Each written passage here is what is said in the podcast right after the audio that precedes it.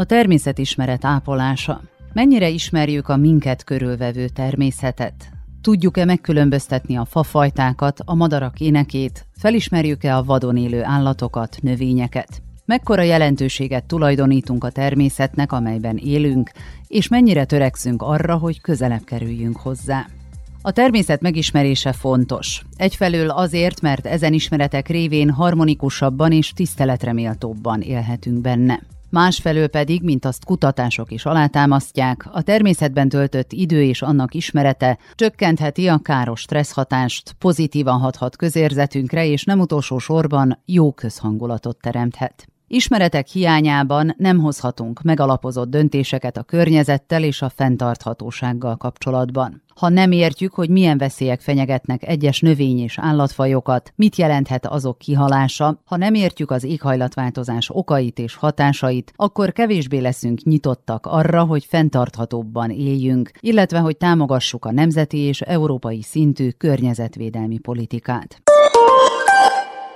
Európai rádióhálózatunk munkatársai az unió polgárait kérdezték arról, mennyire ismerik az őket övező természetet, és ha van, akkor mennyire egységes az uniós szemlélet. A válaszokból következtethetünk arra, hogy a természetismeret terén jelentős különbség tapasztalható a generációk, továbbá a vidéki és városi emberek véleménye között. Ez még egy olyan természetbarát országról is elmondható, mint Szlovénia, mondja Tilen Basle, a BirdLife Szlovénia DOBS természetvédelmi ornitológusa. Definitivno ljudje na Tapasztalatom szerint a vidéken élő emberek szorosabb kapcsolatban állnak a természettel, merem állítani, hogy több madarat ismernek fel, mint a városiak.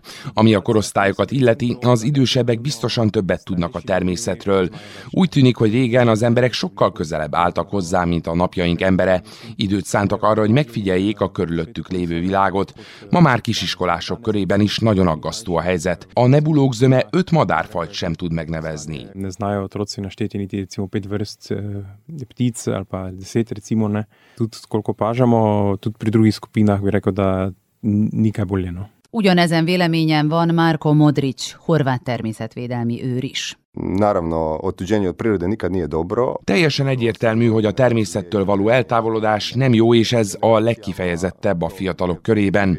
Az urbánus közegekben ez sokkal inkább tapasztalható. A kisvárosokban és falvakban élő gyerekek sokkal közelebb állnak a természethez. Selima i tekako su u dodiru s prirodom.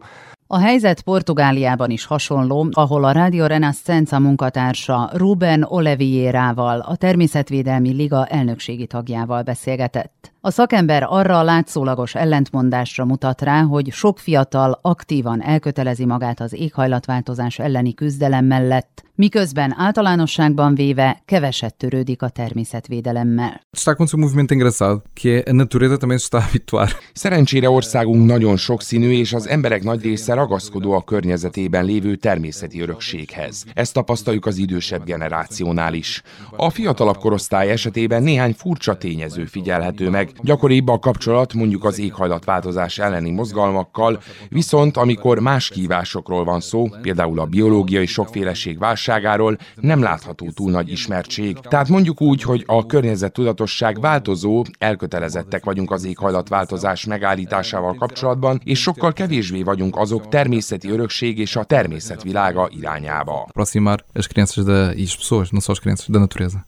Mit lehetne tenni annak érdekében, hogy az uniós polgárok, különösen a fiatalabb korosztály jobban kötődjön a természethez? A Román Rádió riportere Ovidiu Ionescut, a középromániai Brassóban található Transzilvánia Egyetem erdész professzorát kérdezi arról, hol és mikor kellene kezdeni a természet és környezetvédelem jelentőségének ismertetését. Cred că din școală, pentru că din primii ani de educație Szerintem az iskoláztatás elejétől.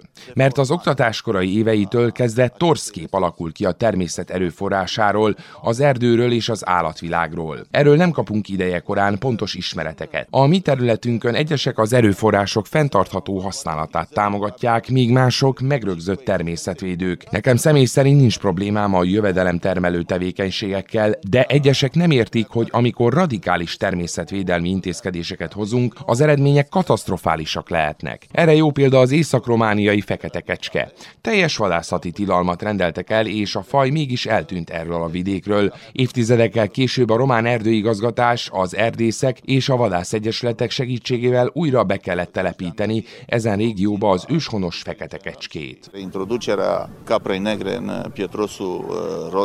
Az oktatás azonban nem csak az iskola feladata. A szülőknek is nagy a felelősségük etéren. Közülük sokan nem boldogulnak ezzel a feladattal. Valószínűsíthetően azért, mert már ők maguk is nagyon elszakadtak a természettől. Teszi hozzá a horvát Márko Modric, természetvédelmi őr. Mislim da puno toga ide i od kuće. Vannak szülők, akik nagyon kevés vagy egyáltalán nem töltenek időt a természetben, és nem is érzik szükségét, hogy megmutassák azt a gyerekeiknek. És ha legkisebbjeink nem tanulják meg ideje korán, hogy milyen az erdő, akkor óckodni fognak tőle. Ha nem ismerünk valamit, akkor bizonyos fenntartással viszonyulunk hozzá, ezért téves az értékítéletünk. Imate i strah, imate i neku krivu percepciju. Viktor András, a Magyar Környezeti Nevelési Társaság tiszteletbeli elnöke számára ez túlmutat a tudáson. Szerinte a természetet érzelmileg kell megélni, ahogyan azt Ádám Csilla újságírónknak is kifejti. A közember szempontjából inkább az a fontosabb, hogy van-e neki gazda, személyes kapcsolata a természettel. Van-e élménye a természettel kapcsolatban? Mert akkor hajlandó lesz megvédeni. Ne gondoljuk azt, hogy a tudományos tények adatok iskolában való tanítása az a természet megvédéséhez vezet. Tehát az ismeretek szükségesek természetesen, szükségesek a természet megvédéséhez, de nem elégségesek. Személyes kapcsolat nélkül, emocionális kapcsolat nélkül nem megy a természet megvédése sem. Klára Roszcsiszewska, a Természetvédelmi Világalap Lengyelország oktatási szakértője ugyanezen nézeteket osztja.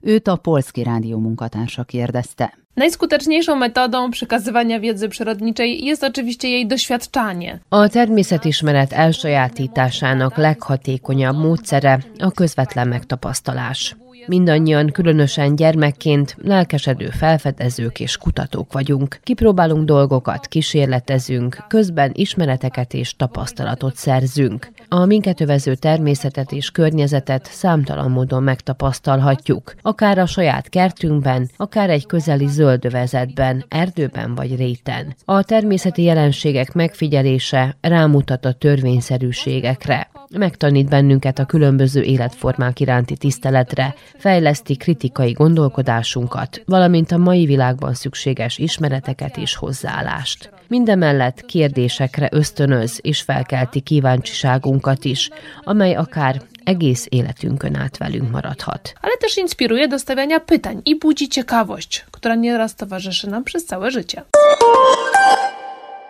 Az életfogytiglani tanulás serkentésével, ahogyan a gyakorlati kísérletezéssel is, jobban megismerhetjük és megérthetjük a természet világát, amelyben élünk. És mindezen ismeretek birtokában tudatosabbak lehetünk ennek megőrzésének és védelmének terén. Ez pedig elengedhetetlen ahhoz, hogy a zöld irányelvek, például az európai zöld átmenethez kapcsolódó politikák széles körben elfogadottá váljanak és megvalósuljanak. Európában számos kezdeményezés, köztük az EU úgynevezett LIFE programja is elindult, hogy az embereket, különösen a fiatalokat közelebb hozza a természethez és annak rejtelmeihez. Viktor András, akitől korábban már hallottunk, a magyarországi gyermektáborokat, ökotanösvényeket és számos más pozitív kezdeményezést emel ki.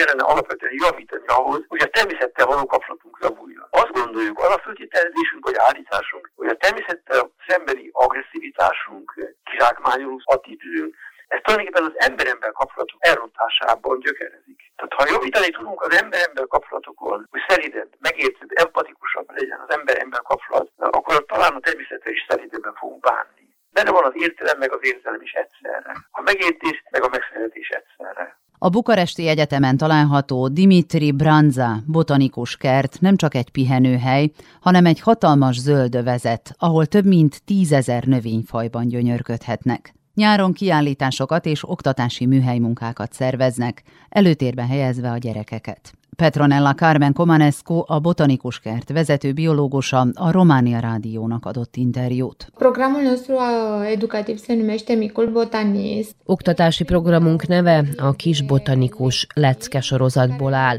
amelyet bárki megtalálhat a honlapunkon. A gyerekeket szólítjuk meg, akik általában fakultatív foglalkozásokra érkeznek hozzánk. Az elmúlt években a nyári szünidő alatt is szerveztünk foglalkozásokat a kicsiknek. Ezeken megismerkedhettek a fák titkaival, a növények sokféleségével, azzal, hogy hol találhatók, és hogy milyen nagy a jelentőségük. A műhelymunkákon előtérbe kerülnek a képzőművészeti foglalkozások, és különböző növényeket, gyógy, dísz és élelmiszer növényeket mutatunk be játékos formában. Plantele alimentare, plantele cu care vopsim, plantele decorative. Habár egyesek számára meglepő lehet, a digitális technológiákhoz való egyre szélesebb körű hozzáférésünk valójában megkönnyíti a természet iránti érdeklődés felkeltését, mondja Ruben Oliveira. Está a acontecer um movimento engraçado, que é a natureza também se está a habituar. A technika érájában egy érdekes folyamatot figyelhetünk meg, nevezetesen azt, hogy a természetet ma már képernyőn keresztül is elérhetjük, legalábbis elméleti ismereteket szerezhetünk róla. Egyre több ugyanis az olyan lehetőség és platform, amely az okos készülékeken keresztül szólítja meg a fiatalokat. Számtalan mobil alkalmazás létezik, ahol csak rákattintunk egy növény vagy állatfajra, és azonnal pontos adatokat kapunk róla. Adott esetben tehát a mobiltelefon hasznos tevékenységekre is használható, nem általánosítva ellenségként tekinteni rá. Ezek a kütyük most már a mindennapjaink szerves részei, nekünk pedig meg kell találnunk annak módját, hogy mindenkit, nem csak a gyerekeket, közelebb hozzunk a természethez. Temos de arranjar formas de voltar a aproximar as crianças da, e as pessoas, não só as crianças, da natureza. A technológia támogatja az adatgyűjtési és kutatási erőfeszítéseket is. A tömérdek mennyiségű, tanulmányozandó adat miatt a tudósok munkaerőhiányban vannak. A mesterséges intelligenciának etéren kétségtelenül nagy szerepe lehet majd a jövőben, Egyelőre azonban még nem tudjuk bevetni ilyen feladatokra ezeket a technológiákat. Éppen ezért a közösségi tudománynak, angol nevén a Citizen Science-nek, amelyet részben vagy egészben amatőr vagy nem hivatásos tudósok végeznek, az a feladata, hogy a minél nagyobb és alaposabb ismeretszerzés céljából önkénteseket is bevonjanak a munkába. Ez a helyzet például Litvániában, ahol Gediminas Brazaitisszel, a Vitautas Magnus Egyetem erdészeti és ökológiai karának professzorával beszélgetett a Zinio Radias újságírója. Az önkéntes vagy közösségi tudomány nagyon népszerű Európában és világszerte is. Az emberek kimennek a természetbe, megfigyeléseket végeznek, amelyekről beszámolnak az érdeklődő szervezeteknek. Vannak kérdőívek, honlapok és így tovább. Ez a módszer lehetővé teszi, hogy minőségi, precíz és pontos adatokat gyűjtsünk, például a nagy ragadozókról, ritka növényekről és invazív fajokról. Ilyen módon rengeteg információ gazdára talál, és ez nagyra értékelendő. Számos részvételi tudományos projekt van folyamatban az óceán felfedezésére, a vízminőség megfigyelésére, a partmenti erózió tanulmányozására vagy a zátonyok feltárására. Mai podcastünket Pavel Stoev, bolgár professzor, a Nemzeti Természettudományi Múzeum igazgatójának elgondolkodtató megfigyelésével zárjuk – Őt a BNR munkatársa kérdezte.